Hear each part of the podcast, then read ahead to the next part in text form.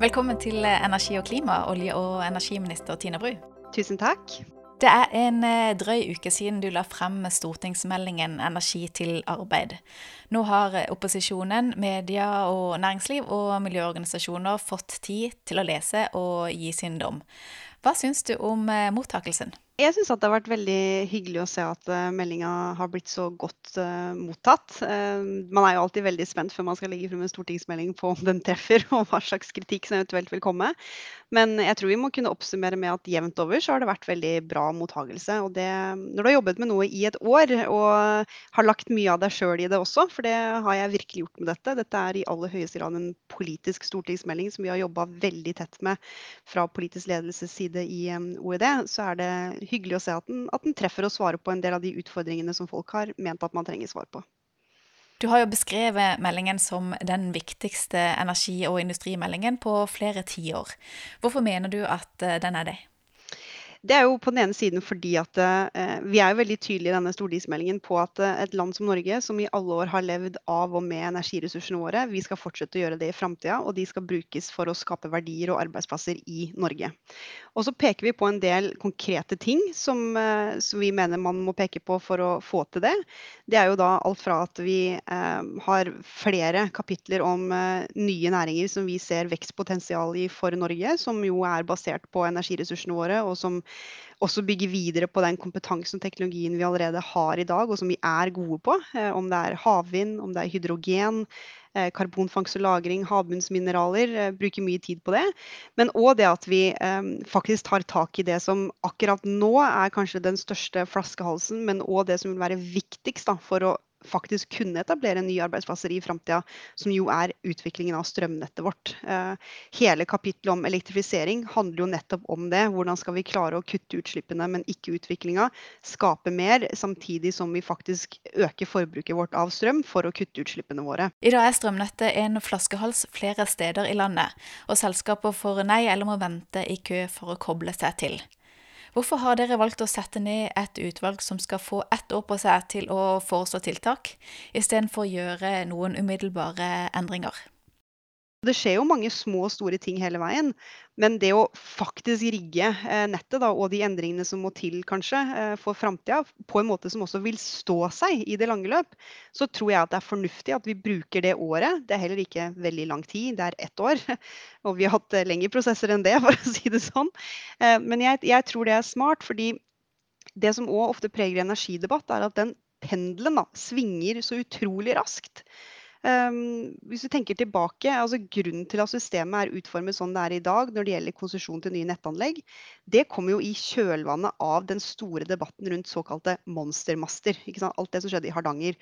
Da var det sånn dette er altfor mye tut og kjør, her må vi ha bedre prosesser, vi må stramme opp osv. Og, så og så lagde man det systemet man har nå. Og nå har pendelen svunget andre veien igjen. Nå går det for treigt, vi kan ikke ha sånne prosesser, vi må gjøre noe. Um, vi kan ikke holde på sånn heller, for vi har på en måte ikke tid til flere sånne feilskjær. Vi er nødt til å finne en modell som gjør at uh, vi klarer å ivareta de hensynene vi må ta, at vi får involvering lokalt, at vi får oppslutning lokalt, at det er legitimitet rundt politikken. Og da kan det være fornuftig å ta seg litt tid, selv om jeg skjønner at folk er utålmodige. En annen parallell er jo vindkraft på land, hvor det var akkurat det samme. Det var liksom ikke måte på. Nå må vi få ut fingeren, ting blir ikke bygd, alt kommer i Sverige. Vi må fikse politikken vår. Og så eh, fikk man bedre avskrivningsregler osv. Og, så og så var det som en sånn ketsjupflaske du har stått og slått og slått og slått på. Ingenting kom ut, og så plutselig kom alt liksom på en gang. Og så ble det bom stopp. Fullt eh, opprør. Eh, ingen ville ha det lenger. Alle, nesten alle politiske partier snudde fra å være veldig sånn ivrig på vindkraft, snudde helt rundt. Det har vi ikke råd til i framtida. Det er ti år til vi skal ha nådd 2030-målene våre. Vi er plutselig i 2050. Det går fortere enn det vi tror. Og den omstillingen vi må gjennom, er så eh, vanskelig og så omfattende at vi må i hvert fall ha gode løp i bånn, sånn at vi ikke får sånn bom stopp, tut og kjør, bom stopp-løsninger eh, fremover. Da tror jeg vi vil henge etter og ikke klare den omstillingen vi faktisk må klare. Du har vært eh, olje- og energiminister i ett og et halvt år, og før det så satt du syv år i energi- og miljøkomiteen. Du har jobba med dette saksfeltet i en tid da klimaendringene er blitt mer synlige og mer avgjørende for energipolitikken. Vi ser at Isbreene smelter, vi ser dyre- og plantearter forsvinne, vi får mer ekstrem tørke og også mer ekstrem nedbør. Hvilke inntrykk gjør dette? Nei, det gjør et veldig stort inntrykk på meg. Jeg har um, vært opptatt av dette i mange år. Ikke bare fordi at jeg har sittet i den komiteen jeg har sittet i på Stortinget og hatt det som, som fagfelt, men, men, jeg er oppriktig veldig bekymra. Um, ting går jo ikke fort nok uh, i verden, selv om det er mange positive tegn nå i det siste, og vi ser at uh, investeringen innenfor fornybar skyter fart. Men det er jo ikke i nærheten av å være der det, det burde vært da, for at vi skulle vært on track for å nå målene våre. Så det vil kreve ekstremt mye av oss. Ehm, så, men jeg, jeg, kan ikke gå rundt og bare være deppa. Jeg må prøve å se, se de positive tingene òg. Så, så, den utviklingen vi ser i EU nå f.eks. er jo veldig positivt. Det er veldig bra at, eh, at hvert fall tilsynelatende nå så virker det ikke som at, eh, at, pandemien har gjort at man har stoppet helt opp da, på, på, den grønne transformasjonen. Heller tvert om, at mange land har brukt det som en mulighet for å akselerere det. Eh, og det er bra. men men jeg tenker, jeg tenker, veldig mye på det. Jeg syns det er uh, både trist og litt sånn skummelt. Og kanskje tenker jeg Jeg har nok tenkt litt ekstra mye på det etter at jeg ble mamma selv. og jeg har en liten gutt som jeg veldig gjerne vil at skal få oppleve de tingene jeg har opplevd, som f.eks. det å kunne dykke på et korallrev når han er 20, liksom. Og jeg lurer noen gang på om han kommer til å kunne gjøre det. Om de kommer til å eksistere. Så dette er uh, ja, det, det, jeg tror det er en sånn type debatt som kanskje man eh, Fordi det ligger så langt foran oss, så klarer vi ikke være så bekymra og redde som vi kanskje egentlig strengt tatt burde være. Og det er litt eh, problem, men det går i riktig retning, da, tror jeg. I mai så presenterte IEA sin netto null-rapport, der energibyrået for første gang sier at i en verden som når netto null utslipp i 2050, så er det ikke behov for å lete etter mer olje og gass. Regjeringens sitt svar det er at det er etterspørselen som avgjør hvor lenge Norge skal produsere og lete. Men skal Norge fortsette å lete selv om det ikke er plass til å brenne oljen og gassen innenfor det karbonbudsjettet som er i tråd med 1,5-gradersscenarioet? Egentlig så sier jo EA-rapporten det samme. Den sier òg at det er markedet og etterspørselen som vil være grunnen til at du f.eks. ikke skulle trenge å lete mer. Og det er jo basert på den veksten de mener må til i fornybar. Og det er jo ikke en spådom. ikke sant? Det er ikke sånn at de spår den veksten. De har jo sett på 2050 for å ha nådd målene hvor mye hvor mye fornybar produksjon må vi ha da, eh, globalt for at det skal faktisk være eh, en realitet i 2050? Hvor mye investering i nett må vi ha for at dette skal være en realitet i 2050? Og så har de trukket konsekvensen av det bakover. Men det er jo markedet som også styrer det. Hvis verden faktisk gjennomfører den veksten i fornybar da, og den massive utskiftningen av fossil, fossil energi, eh, så vil det jo ikke være marked for dette lenger. Så det er egentlig ikke en veldig stor forskjell på det vi sier og det IA-rapporten sier. Eh, og vi jo Altså, dette er jo ikke heller den første rapporten som sier dette. Mange har jo sagt dette lenge. IPCC har sagt det lenge. Så sånn sett så er det jo ikke noe, det er ikke noe helt nytt. Dette har vi jo visst. Eh, og vi tar jo høyde for dette i også vår, vår politikk. Eh, og vi vet jo at vi forventer en ganske stor nedgang i produksjonen på norsk sokkel frem mot 2050. I perspektivmeldingen så viser vi jo til dette. Vi sier jo at produksjonen kommer eh, sannsynligvis til å falle med opp mot 65 da, innen vi er i 2050. Eh, men i det tallet på 65% så ligger det fortsatt at vi har leita og funnet mer eh, i det fallet på 65. Hvis ikke vi gjør det, så vil fallet være enda bråere. Så vi vet jo at produksjonen på sokkelen kommer til å trappes ned gradvis. Og den dagen det ikke er et marked for våre produkter, så vil vi jo heller ikke produsere de. Vi har ikke tenkt å begynne å subsidiere olje- og gassnæringa. Så, så vi er helt bestemt på at vi skal at vår politikk eh, den skal eh, være innenfor rammene av klimapolitikken. Det det betyr, er jo at vi har målene våre. Vi har de nasjonale målene. Vi har forpliktelser under Parisavtalen. og De målene skal vi nå.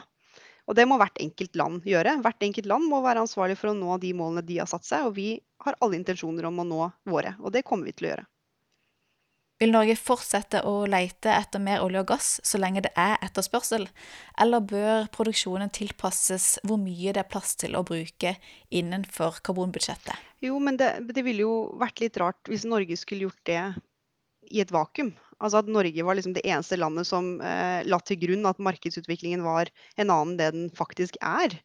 Eh, det er jo derfor vi er så avhengig av at alle land i verden gjennomfører den omstillingen med de forutsetningene de har da, for å fase ut fossil eh, energibruk. Vi er jo helt forberedt på det. Vi ønsker jo det. Vi driver en politikk for å prøve å understøtte det.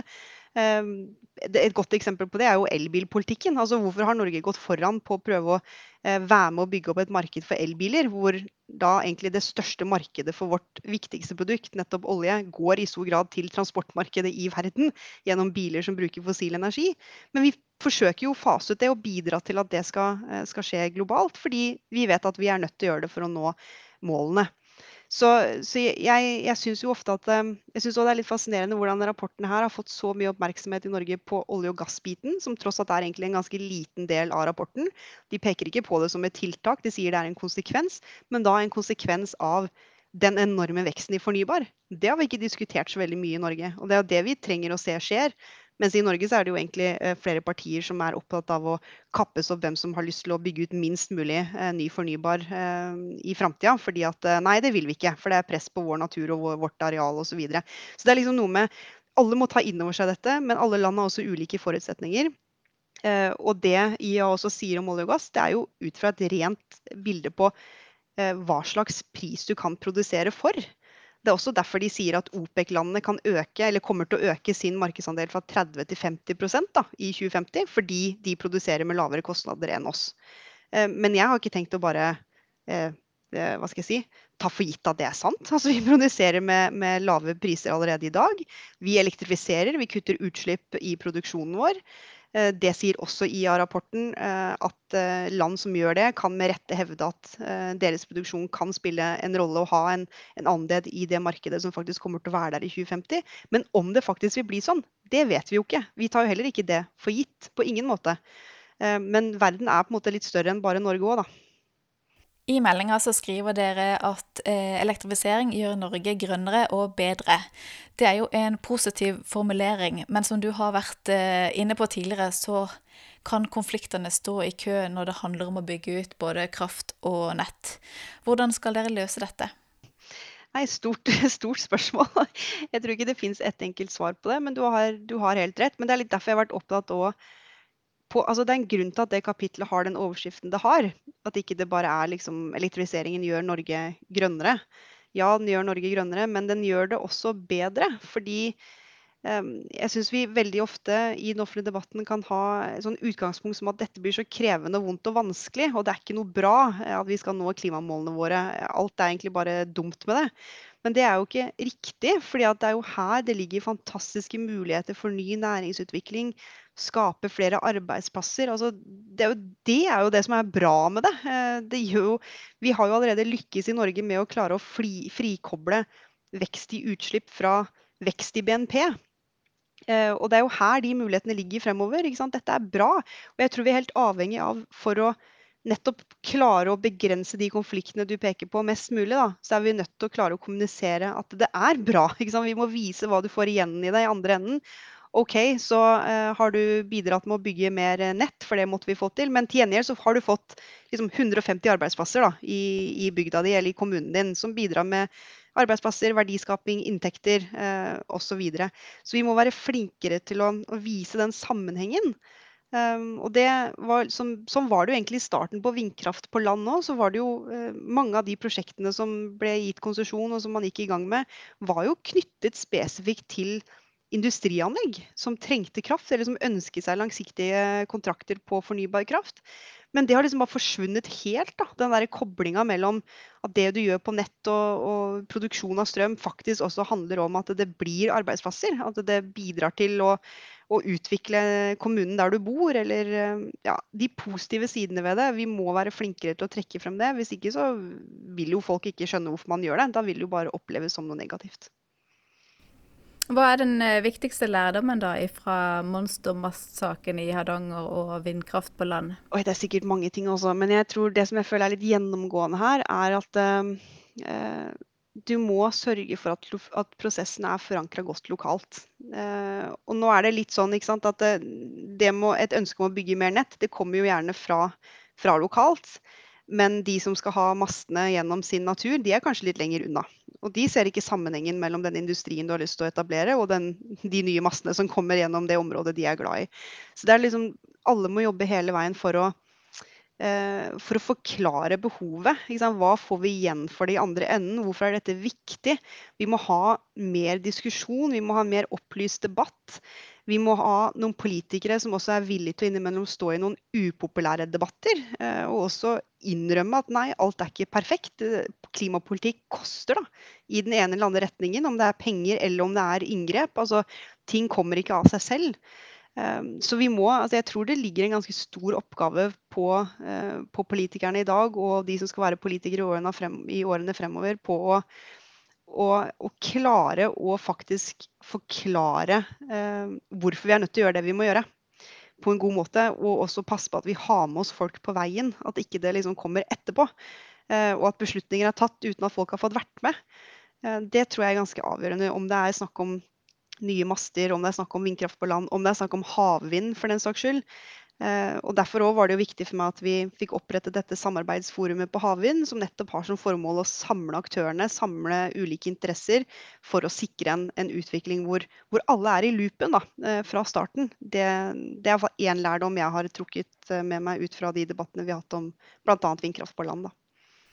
Det er jo en potensiell interessekonflikt mellom behovet for tempo, særlig i utbygging av strømnettet, og et ønske om gode prosesser hvor alle kan delta og bli hørt. Vil det også i større grad kreve tverrpolitiske løsninger? Ja, jeg tror det, eller i hvert fall altså, man kommer sikkert alltid til å være politisk uenig om noen tiltak. Hva er det konkrete rette svaret i akkurat dette tilfellet? Men jeg tror vi er helt avhengig av tverrpolitisk enighet om de lange linjene. Altså at vi, et, at vi, er enige om hva er behovet, da, eh, og hvor skal vi, og hvorfor skal vi det. Eh, det tror jeg er ganske viktig. Og det har jeg også forsøkt å gjøre i denne stortingsmeldingen her, er jo rett og slett gi det bakteppet, da, det faktagrunnlaget for de diskusjonene vi skal ha. For jeg har jo også følt litt på at um, vi, vi, klarer liksom ikke å bli enige om det engang. Vi klarer ikke å bli enige om hva er fakta. Hvor mye produserer vi av fornybar kraft i dag, og hvor mye trenger vi i framtida? Eh, et eksempel på det er jo sånn I den politiske debatten så er det jo noen som er veldig, veldig glad i å liksom tegne dette bildet om at vi må pepre landet med vindturbiner for å elektrifisere sokkelen f.eks. Altså sånne karikerte bilder da, på en veldig komplisert virkelighet det, det, tror jeg ikke tjener debatten. Så vi, det er kanskje for mye å ønske seg. Men hvis man kunne hatt liksom, en, sånn, en viss enighet i bånn mellom de politiske partiene på at uh, dette blir krevende, og, men vi må stå sammen om noen litt vanskelige ting for å få det til. Og Derfor ble jeg veldig glad da når jeg så at uh, selv om Arbeiderpartiet sikkert også skulle ønsket seg noen ting annerledes, men at de, de sier veldig tydelig at de legger ikke den meldingen her vekk. Uh, uansett, skulle de vinne valget, så vil de bruke denne meldingen og som et utgangspunkt, og det, det, tror jeg er bra, da. Men nå har jeg ingen intensjon om at de skal vinne valget, jeg skal jo følge opp denne selv. Når det gjelder elektrifisering av sokkelen, som du nevner, så er det vel ikke blitt noe mindre uenighet om denne saken. Elektrifisering av sokkelen det kutter Norges utslipp, men dette er også utslipp som håndteres i kvotemarkedet. Så Norge trenger ikke elektrifisere sokkelen for å innfri våre internasjonale klimaforpliktelser gir det likevel mening å elektrifisere installasjoner der tiltakskostnaden er langt over kvoteprisen og CO2-avgiften? Bare starte med å si at jeg syns det er så fascinerende. fordi at det, det, argumentet du dro der, med at eh, ja, ja, vi, dette håndteres innenfor kvotesystemet, det er det mitt eget parti og ganske mange andre partier gikk og sa for ti år siden. Eh, og ble da kalt bakstreverske og eh, klimafiendtlige. Fordi at vi ikke snakket om de nasjonale utslippene. Eh, jeg trodde vi egentlig hadde forlatt den diskusjonen der når vi bestemte oss for at vi skulle ha et nasjonalt klimamål f.eks. Eh, og at vi òg skulle ha innenlandske kutt, ikke bare tenke kvotesystem. Eh, men tydeligvis ikke. Nå er vi på en måte tilbake der. Og det, det er noe greit. Altså, det er en helt relevant diskusjon å ha. Jeg bare syns det er fascinerende hvordan vi nå, er, nå liksom møter det mer og mer. Men, men, jeg er jo ikke enig i at det ikke er eh, poeng å gjøre det. Og én fordi vi har satt et nasjonalt utslippsmål. Hvis ikke vi kutter utslippene på sokkelen, eh, da klarer vi ikke innfri det målet vårt. Det er liksom det enkle. Eh, vi har et nasjonalt mål. Det, olje- og gassektoren er en stor del av, av utslippene i Norge, selv om det er i kvotesystemet. Det er det. Det teller jo i vårt regnskap. Så, så det er én del av det. Men det andre er jo også at eh, Kvotesystemet i EU reformeres jo nå også. Eh, det kommer til å fungere annerledes i framtida enn det det har gjort eh, til nå. Eh, før så ble jo kvoter bare flytta internt, det var jo altfor mange av de. Det hadde på en måte ikke samme effekten, men nå går jo kvoteprisen mer og mer opp. Og det er jo også fordi at man nå etter hvert begynner å slette kvoter for å også kunne nå det målet som er satt for ETS da, frem mot 2030 og videre. Så, så det er en annen dimensjon i den debatten. Men vi skal ikke elektrifisere på norsk sokkel for enhver pris. Eh, vi har satt at eh, kvoteprisen pluss CO2-avgifta skal være 2000 kroner tonnet i 2030. Det vil være styrende.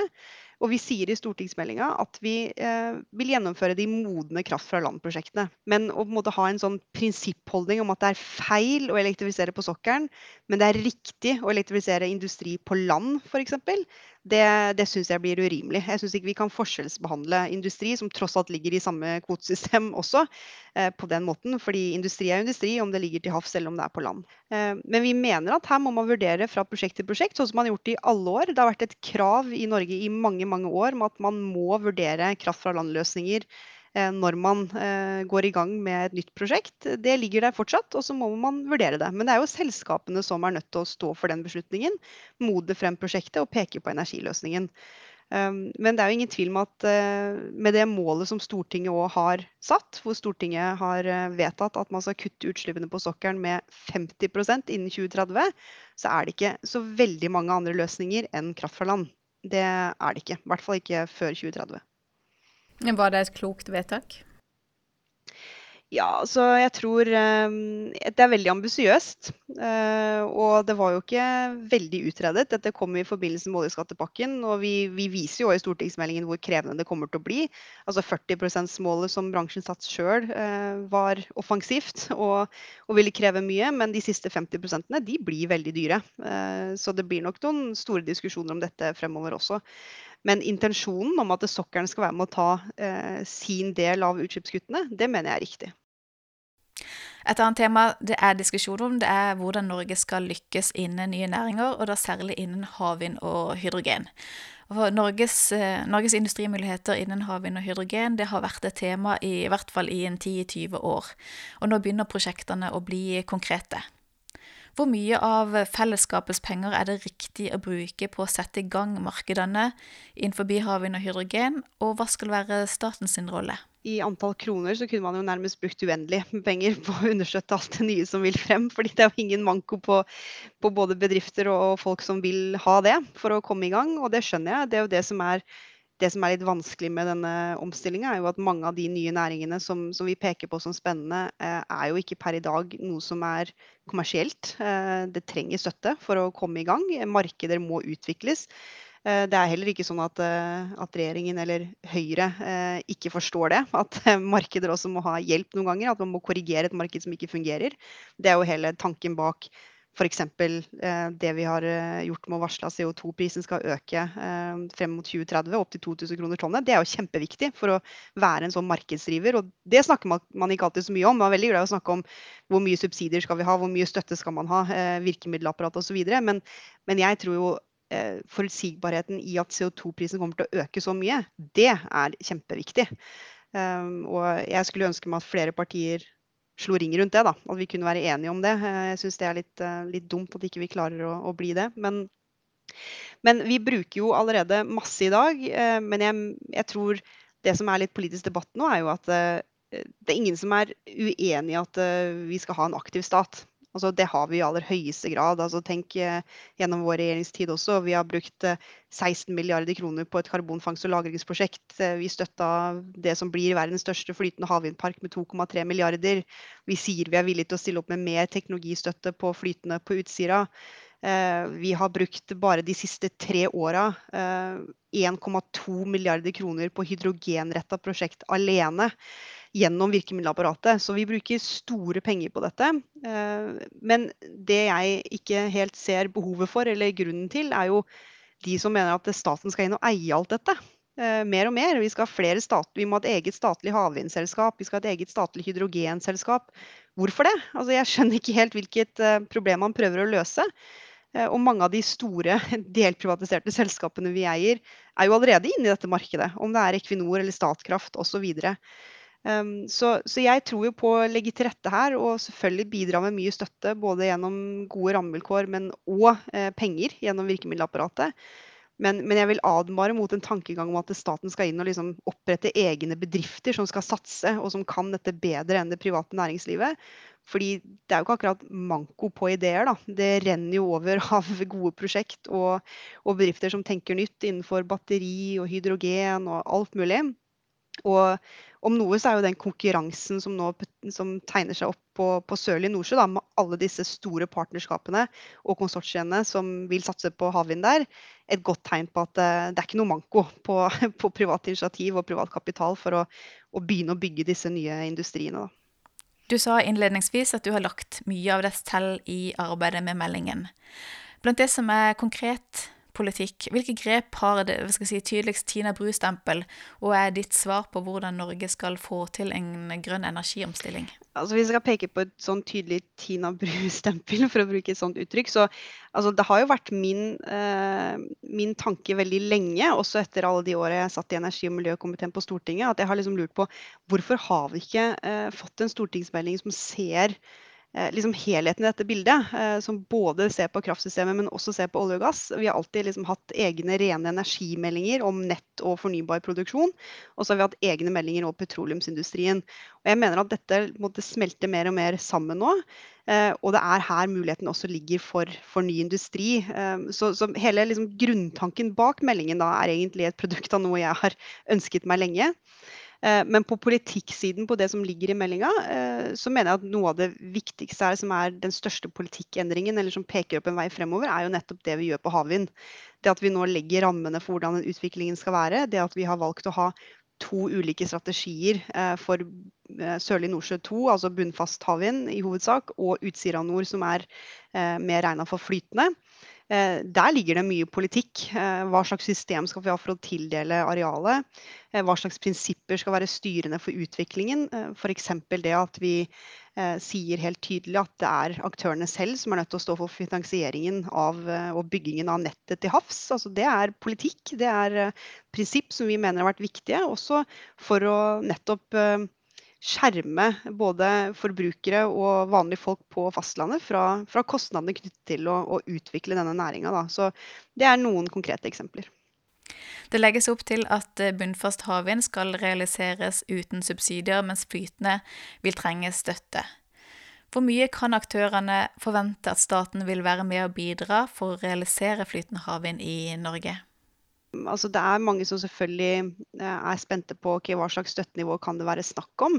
Men vi sier jo helt tydelig i meldingen nå at det, det ville vært litt unaturlig å på en måte allerede nå satt den summen. Altså vi, vi vet jo ikke dette. Det, må, det vil jo avhenge av prosjektene.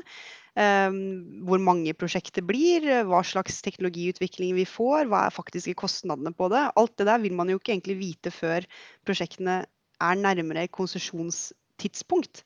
Eh, og det er jo på det tidspunktet det også vil være naturlig å ta stilling til eh, hva slags støttebehov det vil være. Da. Det vil jo også avhenge av størrelsen på parkene. ikke sant? Altså, noen har jo snakket om 500 megawatt, eh, noen snakker om 200. Altså, dette må vi jo se etter hvert som prosjektene skrider frem. Um, men jeg tror det var et veldig viktig signal at Altså, vi er fortsatt på et teknologiutviklingsspor på flytende. Og det at vi åpner for å bidra med teknologistøtte, sånn som vi gjorde på, på Hywind Tampen gjennom Enova, det tror jeg var en viktig avklaring. Eh, og så har jo diskusjonen innimellom gått på om man skal putte alt inn i petroleumsskattesystemet f.eks. Men det avviser vi jo i meldingen. Vi vil ikke ha det som en hovedmodell.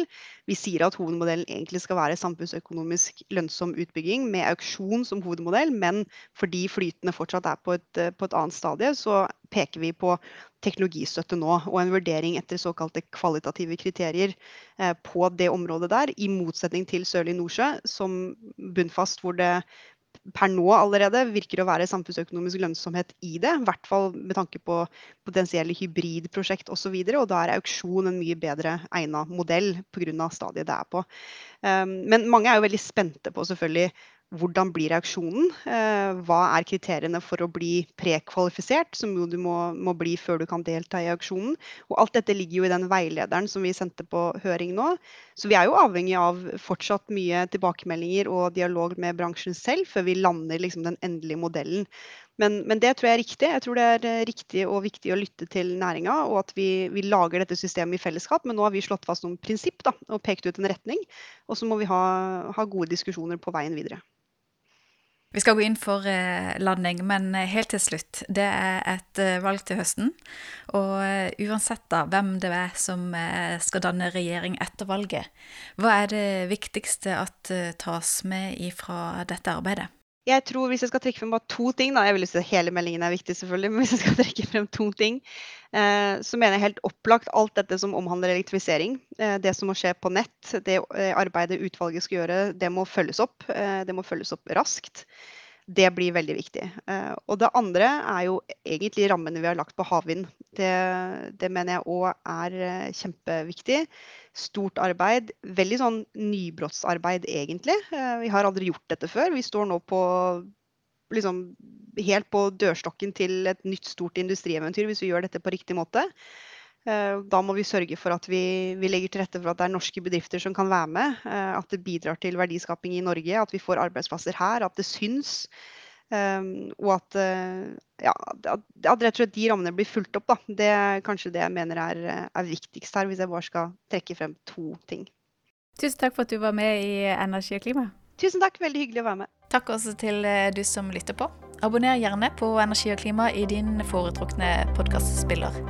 Takk for i dag.